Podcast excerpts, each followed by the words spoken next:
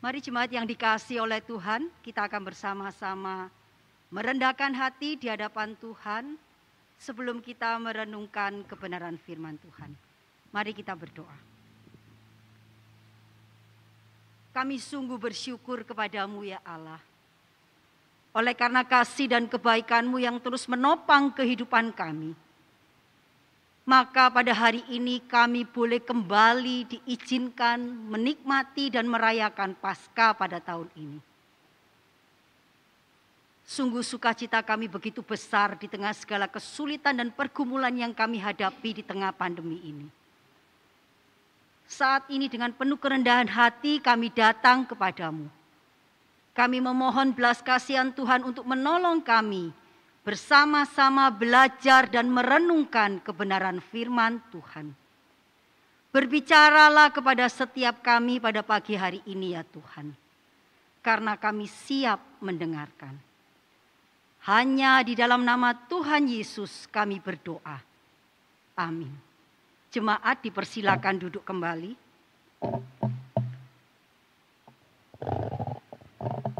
Pertama-tama saya mengucapkan selamat Paskah untuk kita semua.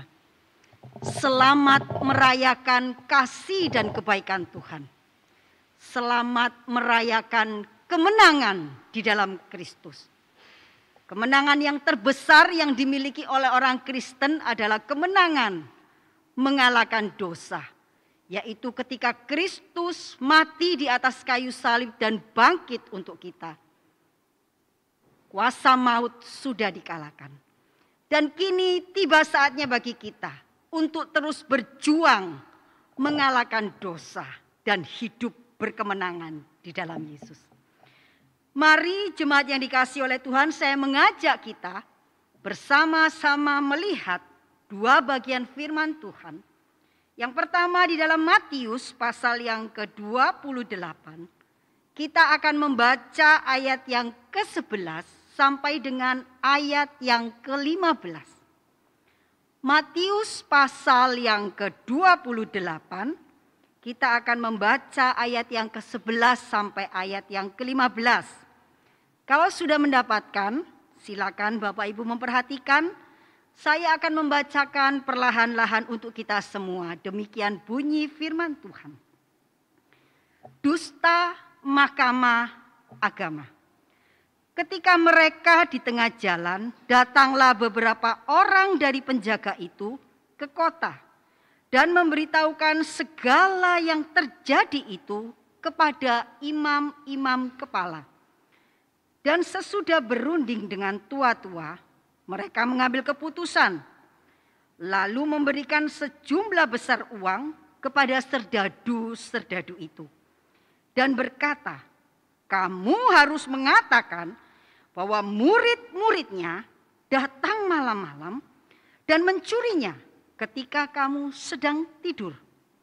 Dan apabila hal ini kedengaran oleh wali negeri, kami akan berbicara dengan dia sehingga kamu tidak beroleh kesulitan apa-apa. Maka eh, mereka menerima uang itu dan berbuat seperti yang dipesankan kepada mereka dan cerita ini tersiar di antara orang Yahudi sampai sekarang ini. Kita membaca lagi satu bagian di dalam surat 1 Korintus pasal yang ke-15, kita akan membaca ayat yang ke-14 dan ayat yang ke-17. Demikian bunyi firman Tuhan.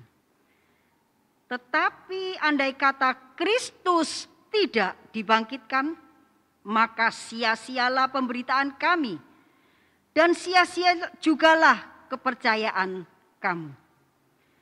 Dan jika Kristus tidak dibangkitkan, maka sia-sialah kepercayaan kamu dan kamu masih hidup di dalam dosamu.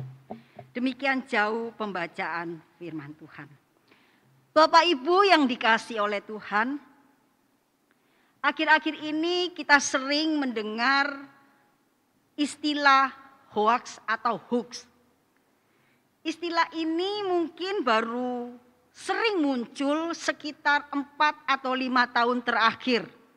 Ketika di media sosial orang bisa ngomong apa saja, share apa saja, kemudian muncullah istilah hoax atau hoax ini. Sebenarnya hoax atau hoax ini bukan baru ada empat atau lima tahun terakhir saja. Tetapi sejak manusia di Taman Eden, hoax itu sudah ada. Ketika ular berkata kepada Hawa. Hei Hawa, kamu nggak boleh ya makan semua tanaman uh, buah di taman ini. Iblis mencoba memutarbalikkan fakta. Dan berita hoax ini juga dipraktekkan pada masa ketika Yesus disalibkan. Apa pengertian hoax? Ya. Dikatakan bahwa hoax adalah informasi palsu atau berita yang sebenarnya berisi fakta namun dipelintir dan direkayasa. Renel Kasali dalam sebuah wawancara dia mengatakan bahwa secara etimologi hoax itu dalam bahasa Indonesia berarti berbohong atau sebuah kebohongan. Tapi dalam kamus sains, eh, kamus sains dikatakan bahwa Hoax artinya kebohongan yang dibuat dengan tujuan jahat. Jadi memang ini bukan bohong yang sekedar cuman ya bohong-bohong memelintir fakta. Tetapi itu dilakukan dengan tujuan, dengan motivasi, dan dengan maksud jahat. Bapak Ibu yang dikasih oleh Tuhan, kalau kita baca nas yang tadi pertama kita baca di dalam uh, bagian awal. Ketika peristiwa penyalipan dan tiga hari kemudian Yesus bangkit. Para pemimpin agama Yahudi menyebarkan hoax dengan mengatakan bahwa Yesus sebenarnya nggak bangkit. Dia ndak ada itu karena mayatnya dicuri bukan karena bangkit. Dan rupanya hoax semacam ini. Berita-berita hoax semacam ini terkait dengan ke, uh, kebangkitan Kristus.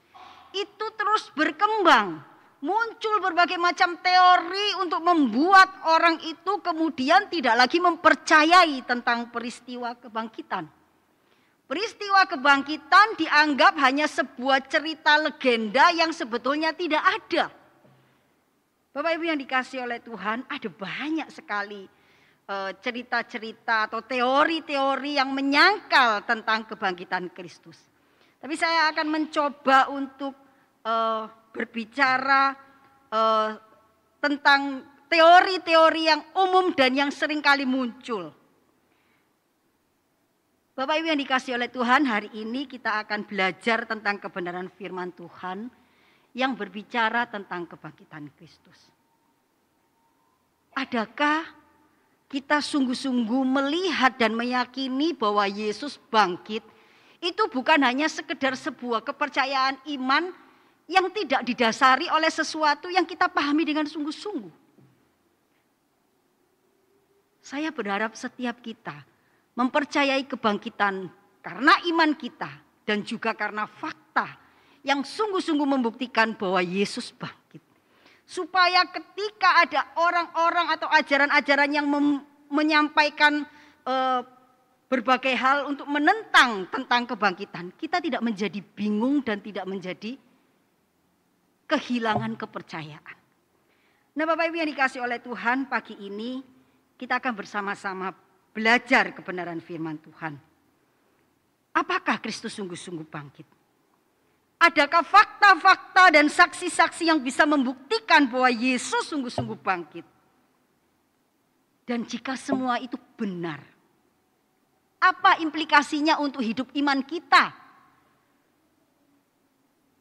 Dan kemudian apa yang seharusnya terjadi di dalam hidupku kalau aku itu mempercayai Yesus itu sungguh-sungguh bangkit? Apakah itu hanya sekedar mengisi pengetahuanku Ataukah itu akan memberi dampak di dalam hidupku?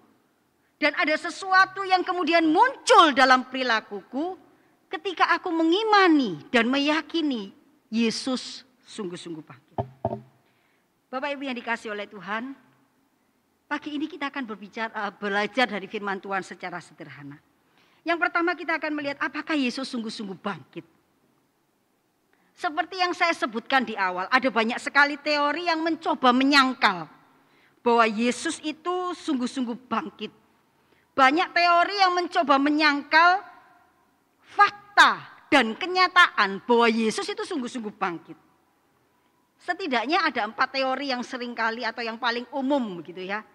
Yang e, dimunculkan untuk membuat orang menjadi ragu. Iya Yesus ini benar-benar bangkit atau tidak gitu ya.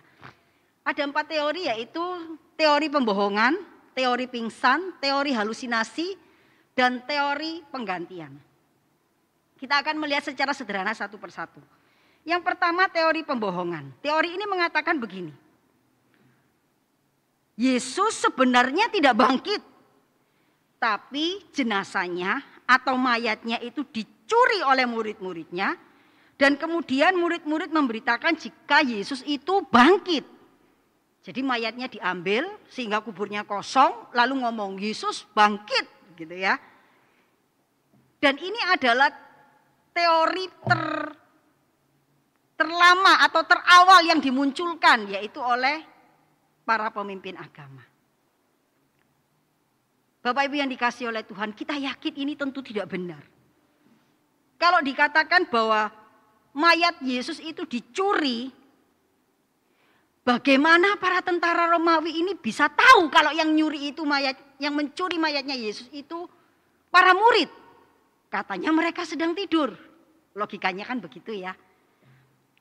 Kemudian Bagaimana para tentara yang sudah dilatih sedemikian rupa, memiliki indera yang sudah dilatih sedemikian peka, bisa tertidur dengan begitu nyenyak dan tidak dengar ketika murid-murid itu menggeser batu besar penutup kubur.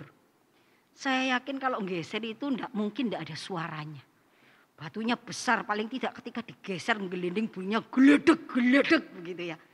Dan tidak mungkin para tentara yang sudah dilatih dan terlatih sedemikian rupa bisa nggak ada satupun yang bangun. Dan jika mayat itu dicuri, bagaimana para penjaga ini kemudian bisa bebas begitu saja?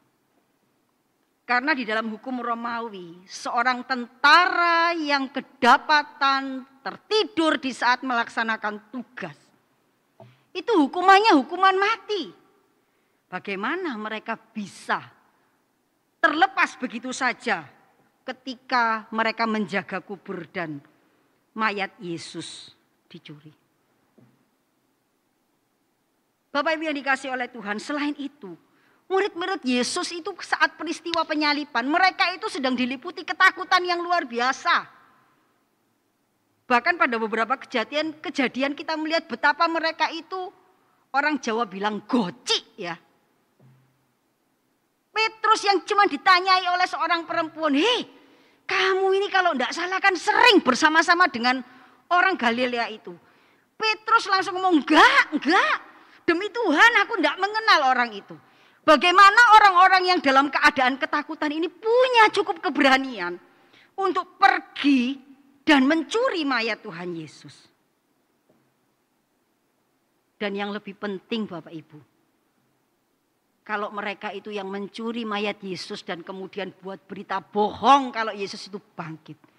Bagaimana mereka memiliki keberanian dan memiliki kekuatan iman untuk tetap ber, berpegang teguh pada peristiwa kebangkitan saat mereka harus menghadapi siksa bahkan menjadi martir untuk memberitakan tentang kematian dan kebangkitan Kristus. Kalau kita berbohong tentang sebuah fakta, kita tidak akan membela kebohongan itu mati-matian sampai kita rela kehilangan nyawa. Tetapi itulah yang terjadi dengan murid-murid Yesus. Mereka pada akhirnya mati dengan cara yang begitu menyedihkan demi membela keyakinan mereka dan fakta bahwa Yesus sungguh-sungguh bangkit. Jadi kita bisa memastikan bahwa dusta Mahkamah Agama ini adalah sebuah kebohongan ini adalah sebuah berita yang dibuat dengan tujuan jahat untuk menghilangkan fakta bahwa Yesus sungguh bangkit. Kemudian teori yang kedua yaitu pingsan. Teori ini mengatakan sebenarnya waktu disalib Yesus itu enggak benar-benar mati. Dia itu hanya mati suri alias pingsan gitu ya, mati suri gitu. Tapi ketika diturunkan dari salib, orang enggak tahu kalau dia ini sebetulnya belum mati. Dan ketika dimasukkan di dalam kubur, kondisinya sudah cukup nyaman, kemudian dia bangun ya. Dia bangkit lalu menggulingkan pintu penutup kubur dan kemudian keluar. Jadi sebetulnya dia tidak bangkit, wong dia tidak pernah mati, dia cuma pingsan katanya begitu. Bapak Ibu yang dikasih oleh Tuhan, mungkin kita tertawa mendengar teori ini. Tetapi kenyataannya ada orang yang mempercayai fakta ini. Tetapi kenyataannya bagaimana seorang yang sudah mengalami penyiksaan, kalau kita lihat film yang digambarkan di dalam film Passion of the Christ. Penyiksaan dan penganiayaan yang begitu luar biasa. Dipaku tangan dan kakinya, ditikam lambungnya. Bagaimana orang dengan penyiksaan semacam itu kemudian digantung di atas kayu salib selama berjam-jam bisa tetap hidup. Kalaupun tidak mati, dia hanya cedera berat, Apakah mungkin orang dengan kondisi yang sudah begitu lemah punya kekuatan yang cukup untuk menggulingkan batu besar penutup kubur, kemudian bangun dan berjalan eh, sejauh tujuh mil untuk pergi ke Emmaus, balik kemudian ke Yerusalem untuk menemui murid-muridnya di hari yang sama. Dan ketika para wanita itu berjumpa dengan Yesus. Para wanita ataupun murid-murid Yesus itu tidak memperlakukan Yesus seperti orang sakit. Kalau misalnya dia cuma pingsan, tentu kalau ketemu itu mesti kondisi badannya itu tidak karu-karuan dan kemudian kalau dia itu memang hanya pingsan, nggak benar-benar mati dan bangkitnya itu bukan bangkit dari kematian, tentu kondisinya sangat buruk dan orang-orang akan memperlakukan dia sebagai orang sakit eh diobati, diperban, uh, di nggak tahulah dikasih apa supaya menjadi lebih sehat. Tentu teori ini tidak bisa dipertanggungjawabkan. Apalagi ketika Yesus ada di atas kayu salib. Itu tentara Romawi memastikan Yesus itu sudah mati dengan cara menikam lambungnya. Dan dikatakan bahwa dari lambung itu keluar air dan darah. Harusnya dalam keadaan normal dari lambung itu tidak keluar darah. Yang keluar adalah sisa makanan. Tetapi ketika keluar darah itu ada kemungkinan luka dalam atau bagian-bagian organ dalamnya itu sudah pecah ketika seorang itu mengalami kematian. Selain itu dikatakan juga bahwa Pilatus memastikan Yesus sudah mati ketika uh, Yusuf dari Arimatea meminta jenazah Yesus dan perwira Romawi memastikan Yesus sudah mati karena itu ia tidak mematahkan kaki Yesus ketika akan menurunkan jenazahnya. Karena pada masa itu ada kebiasaan. Jika seseorang yang sudah digantung di salib tidak mati-mati sementara sudah akan memasuki pasca, maka kakinya itu akan dipatahkan tulang kakinya supaya matinya lebih cepat.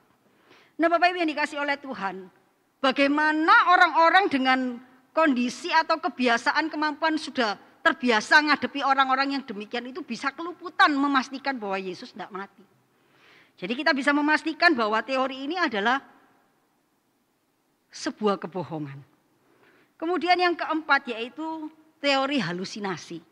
Jadi teori ini mengatakan murid-murid itu karena cintanya sama Yesus, berharap Yesus kembali, maka murid-murid ini berfantasi, berhalusinasi. Kita mungkin di tengah pandemi ini tidak boleh keluar rumah, sering berhalusinasi. Aduh, kapan ke pantai gitu ya. Kemudian membayangkan, terus pasang profil picture di pantai, kalau zoom gitu ya. Berhalusinasi oleh karena keinginan-keinginan yang sedemikian rupa. Tetapi Bapak Ibu yang dikasih oleh Tuhan, Halusinasi itu bisa dilakukan kalau orang itu sedang dalam keadaan tertekan atau dia secara psikologis itu punya kecenderungan berhalusinasi.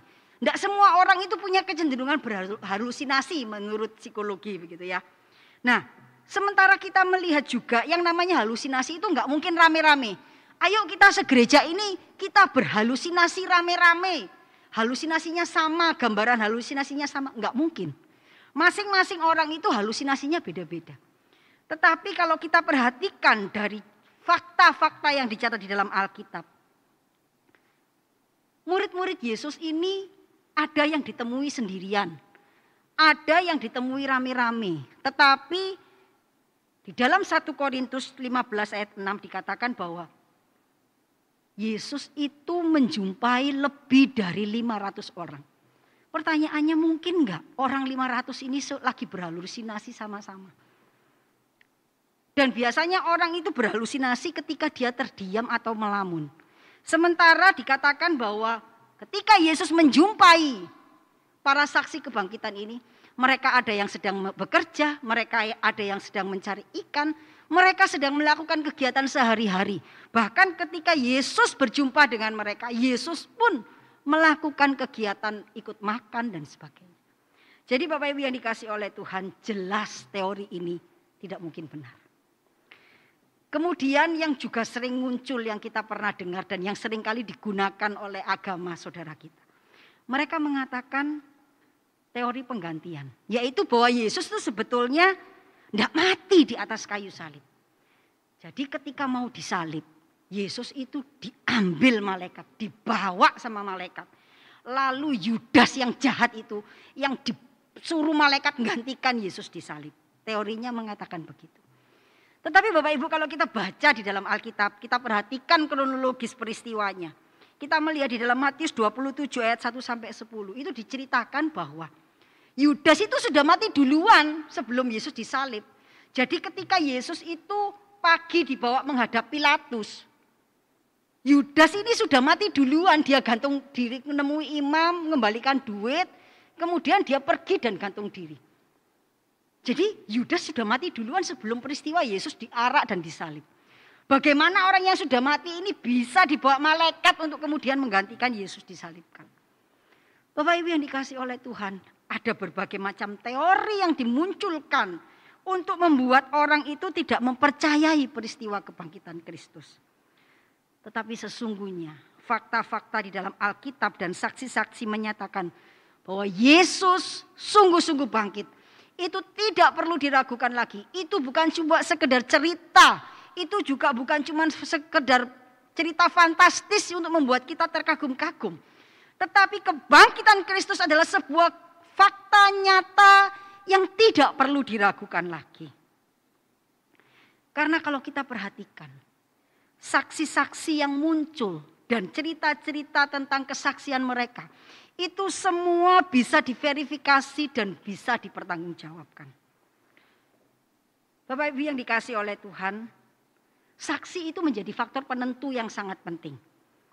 Saksi itu juga nggak boleh sembarang orang asal ngomong, asal uh, cerita, tidak. Tetapi saksi itu dilihat apakah dia seorang yang kredibel Seberapa kuat kesaksiannya? Berapa banyak jumlah saksinya? Kalau kita dibaca di dalam perjanjian lama, itu dikatakan bahwa saksi itu minimal dua. Semakin banyak saksinya, semakin baik, gitu ya.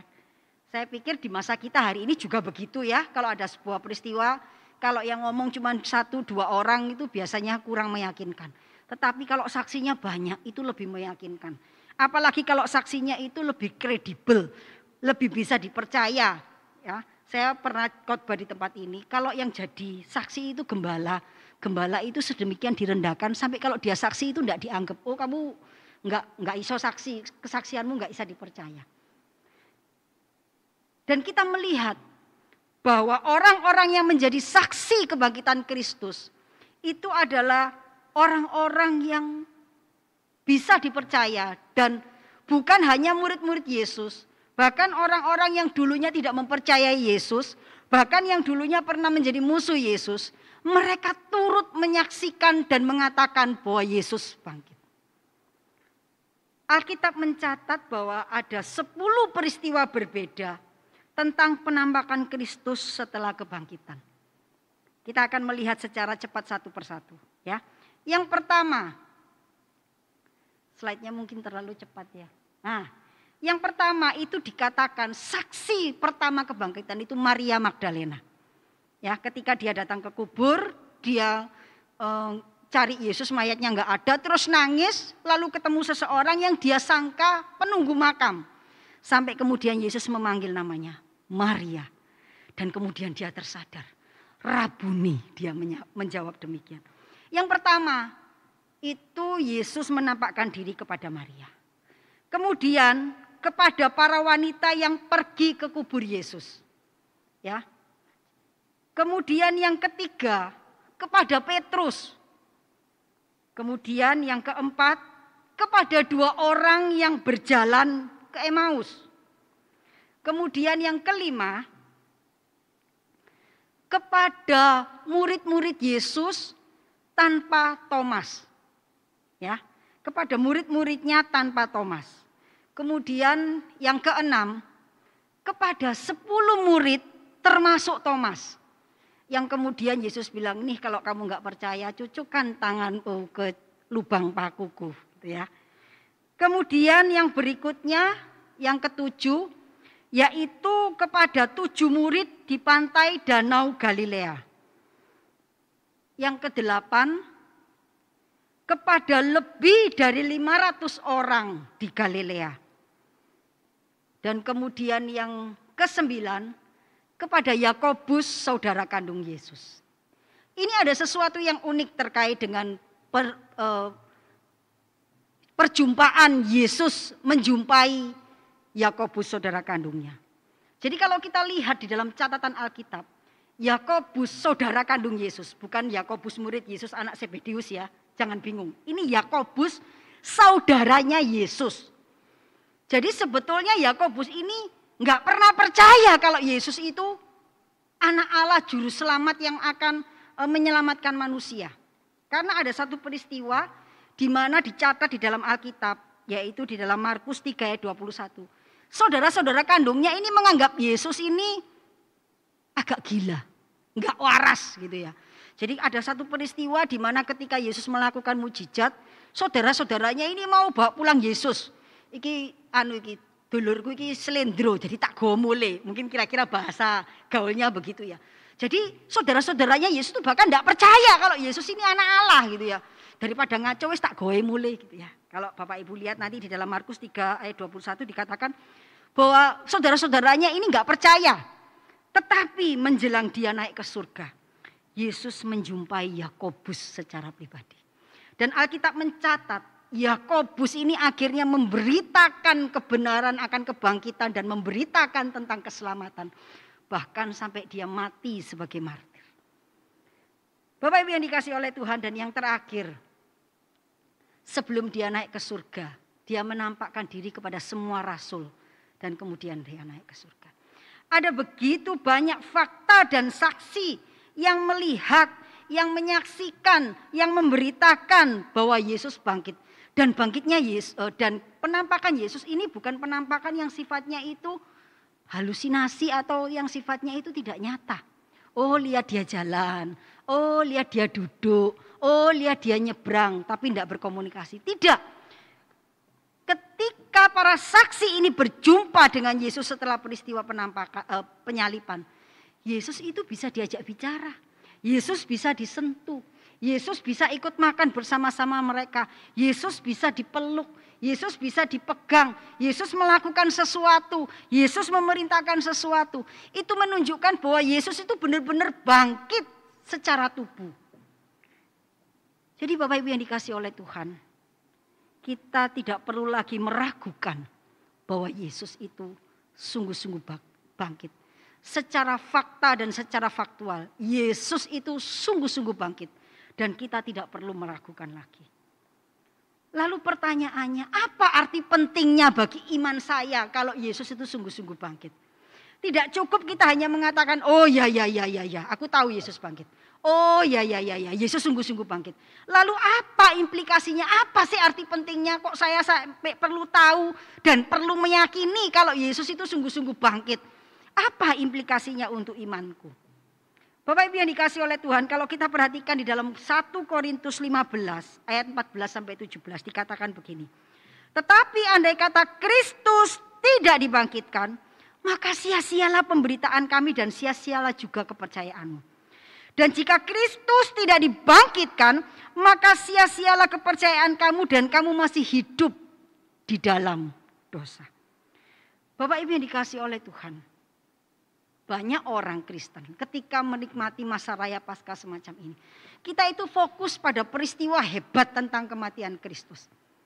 Ya itu tidak salah. Itu memang sebuah peristiwa yang begitu luar biasa. Yang menunjukkan kasih Allah yang begitu besar. Tetapi peristiwa kematian Kristus itu tidak akan lengkap jika tidak diakhiri dengan peristiwa kebangkitan. Karena tanpa kebangkitan, maka kematian Kristus di atas kayu salib tidak ada artinya. Karena proses karya keselamatan itu belum selesai. Jadi peristiwa karya keselamatan yang dirancang Allah untuk manusia itu tidak berhenti pada peristiwa kematian. Tetapi peristiwa kebangkitan itu melengkapi dan memastikan bahwa peristiwa karya keselamatan yang dirancang oleh Allah untuk manusia itu sudah tuntas dan berhasil. Ini penting. Tuntas dan berhasil. Karena bisa tuntas tapi nggak berhasil. Kebangkitan itu membuktikan bahwa itu sudah tuntas dilakukan dan itu berhasil. Bapak Ibu yang dikasih oleh Tuhan. Mengapa peristiwa kebangkitan itu menjadi sebuah titik yang membuktikan bahwa karya keselamatan yang dikerjakan Allah untuk manusia itu sudah berhasil dan tuntas. Tuntas dan berhasil. Karena melalui kematian dan kebangkitan Kristus, Kebangkitan itu menjamin bahwa karya keselamatan yang Kristus lakukan itu diterima dan berkenan kepada Allah. Kalau kita melihat di dalam perjanjian lama, memberikan korban persembahan kepada Allah itu bisa dilakukan. Tetapi apakah Allah itu berkenan menerima korban persembahan itu? Itu menjadi sesuatu yang berbeda. Demikian juga dengan peristiwa penyalipan Tuhan Yesus.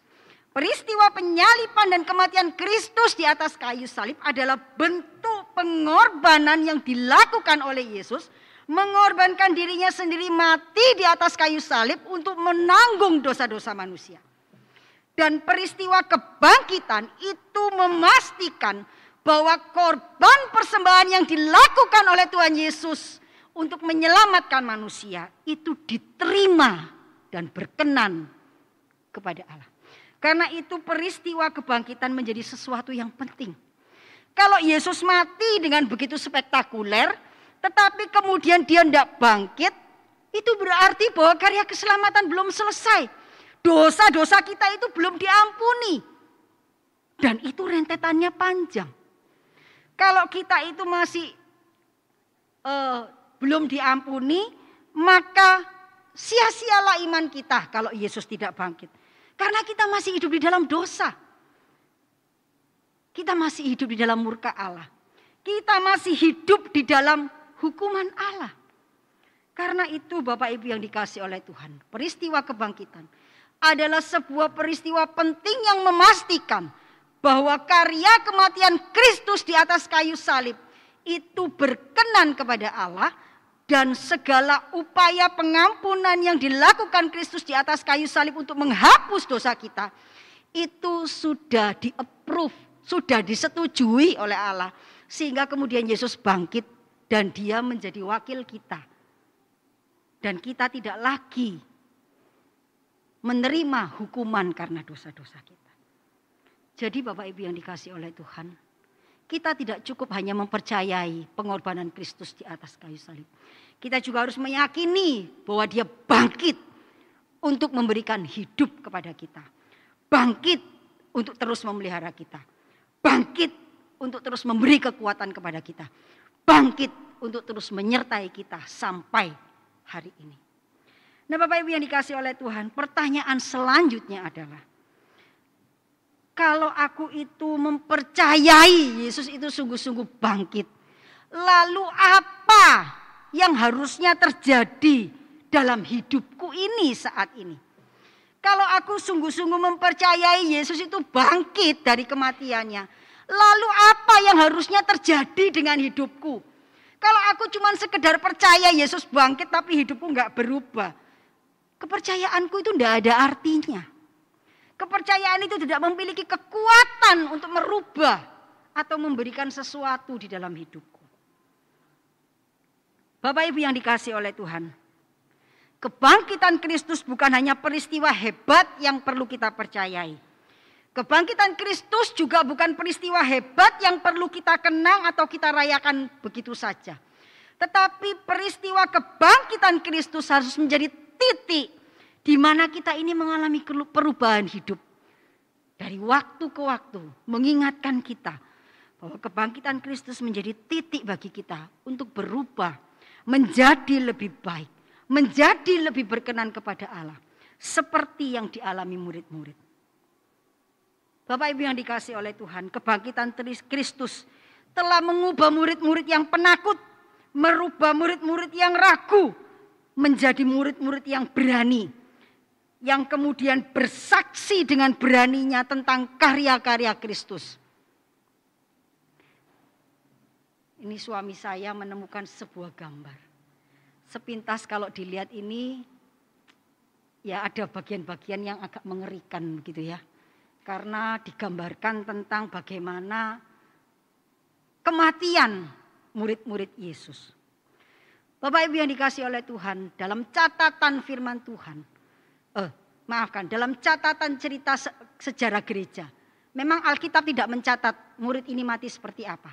Tetapi catatan sejarah gereja itu mencatat fakta bahwa murid-murid Yesus, baik para rasul maupun murid-murid yang lain, itu mati, rela mati dengan cara yang begitu mengerikan demi membela dan tetap e, menceritakan tentang kematian dan kebangkitan Kristus yang menyelamatkan manusia. Kita akan melihat secara sepintas bagaimana murid-murid Yesus itu mati. Ya. Yang pertama Matius, itu dikatakan bahwa dia itu menjadi martir, mati secara martir di Ethiopia. Caranya dia mati dibunuh dengan pedang. Ya, tentu dia ke sana bukan rekreasi jalan-jalan kemudian dibunuh bukan. Tetapi dia menceritakan tentang Injil Kristus. Dia menceritakan tentang berita keselamatan dan dan kemudian dia dibunuh dengan pedang. Kemudian Markus dikatakan dia martir di Alexandria. Matinya dengan cara diseret oleh kuda sampai mati. Kemudian yang selanjutnya Lukas. Lukas ini menjadi martir di Yunani dengan cara mati digantung. Kemudian Petrus, kalau ini kita sering cerita dengar ceritanya ya. Dia mati dengan cara disalib terbalik. Karena waktu dia mau disalib itu dia mengatakan, aku tidak layak mati seperti juru selamatku. Lalu di, dia disalib dengan cara yang terbalik. Ya. Kemudian Yakobus anak Sebedeus mati di penggal di Yerusalem. Kemudian ini Yakobus saudara Yesus. Ya. Dia itu waktu memberitakan kebenaran Injil Tuhan, itu dia dilempar dari hubungan bait Allah. Ya. Tapi nggak mati, jatuh itu nggak mati, lalu dipukuli sampai mati. Bagaimana saudaranya Yesus yang dulu pernah bilang Yesus ini dulurku iki rodok sedeng tak bawa pulang. Yang kemudian setelah peristiwa kebangkitan dan dijumpai secara pribadi oleh Yesus dia kemudian menjadi berubah dan menjadi saksi yang begitu luar biasa. Kemudian yang selanjutnya, Bartolomeus. Dia menjadi martir di Turki. Menurut cerita, dia itu mati karena dikuliti dengan cambuk. Ya. Jadi mungkin dicambuk, tarik, cambuk, tarik sampai kulitnya itu terlepas dan kemudian mati. Dan kemudian Andreas, martir di Patras Yunani. Disalibkan pada salib yang berbentuk huruf X. Kemudian selanjutnya Thomas, dia martir di India. Ya, dikatakan bahwa dia ditusuk dengan tombak. Matias, ini murid yang menggantikan Yudas, dilempari batu dan kemudian dipenggal kepalanya. Dan ada catatan juga bahwa Paulus itu juga mati secara martir pada masa zaman Nero. Nah Bapak Ibu yang dikasih oleh Tuhan. Paulus ini siapa? Paulus ini dulu musuhnya Yesus. Betul ya? Dia itu orang yang menginisiatif supaya Saulus itu dilempari batu sampai mati. Dia ini orang yang pergi ke Damsik dengan membawa surat perintah untuk membunuh orang Kristen. Tetapi Kristus menjumpai dia dan dia menjadi saksi yang sangat efektif untuk memberitakan Injil Tuhan dan juga menjadi saksi kebangkitan Kristus. Bagaimana dengan kita hari ini? Adakah peristiwa kebangkitan itu merubah hidup kita? Adakah peristiwa kebangkitan itu membuat kita menjadi anak-anak Tuhan yang berpegang teguh kepada keyakinan keselamatan dan kemudian memberitakan Injil keselamatan itu kepada setiap orang untuk mereka memiliki keyakinan yang teguh seperti kita. Adakah kebangkitan itu menolong kita menjalani hidup kita dengan cara yang berkenan kepada Allah? Adakah kebangkitan itu merubah hidup kita dari orang yang berdosa, orang yang tidak taat, orang yang hidup tidak benar, mengubah kita untuk menjadi anak Tuhan yang berjaya jalan menurut pimpinan dan panggilan Tuhan. Adakah kebangkitan itu merubah kita menjadi anak-anak Tuhan yang tidak bersandar kepada kekuatan kita sendiri tetapi bersandar kepada Allah? Adakah peristiwa kebangkitan itu merubah diri kita menjadi seorang yang mengandalkan diri sendiri, berubah menjadi anak-anak Tuhan yang bergantung kepada Allah? Bapak Ibu yang dikasih oleh Tuhan, hari ini kita butuh banyak kekuatan untuk menjalani kehidupan kita di masa pandemi yang penuh dengan pergumulan. Tetapi biarlah peristiwa kebangkitan menyadarkan kepada setiap kita bahwa Allah di dalam Yesus Kristus begitu mengasihi kita. Dia melewati lembah maut, mati dengan cara yang begitu tragis dan begitu menderita demi memberikan persembahan untuk membuat dosa-dosa kita diampuni. Tapi tidak hanya berhenti sampai di situ. Dia kemudian bangkit dari kematian untuk memastikan bahwa dia memelihara dan mendampingi kita. Dia adalah Allah yang Immanuel, bukan hanya ketika ia lahir ke dalam dunia menjadi bayi dan kemudian tinggal di dalam dunia. Tetapi dia adalah Allah yang Immanuel sampai hari ini. Dia bersama-sama dengan kita, dia menyertai kita, dia tidak pernah meninggalkan kita. Dan peristiwa kebangkitan itu memastikan bahwa janji Allah yang Immanuel itu tidak berakhir pada peristiwa kematian. Tetapi itu terus berlanjut sampai hari ini. Karena dia tidak mati. Dia sudah bangkit. Dan hari ini dia bangkit bersama-sama dengan kita. Biarlah kita memiliki semangat dan keyakinan bahwa kebangkitan Kristus itu akan menolong kita untuk bangkit menjalani kehidupan kita untuk bangkit menjadi anak-anak Tuhan yang hidup berkenan kepada Tuhan. Untuk bangkit menjadi anak-anak Tuhan yang hidup menurut kehendak dan pimpinan Tuhan.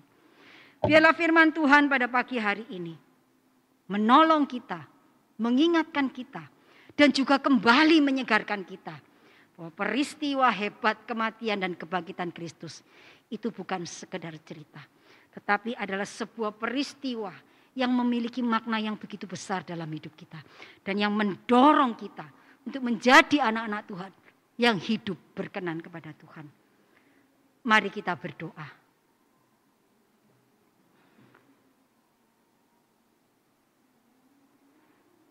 Tuhan Bapa kami yang di surga.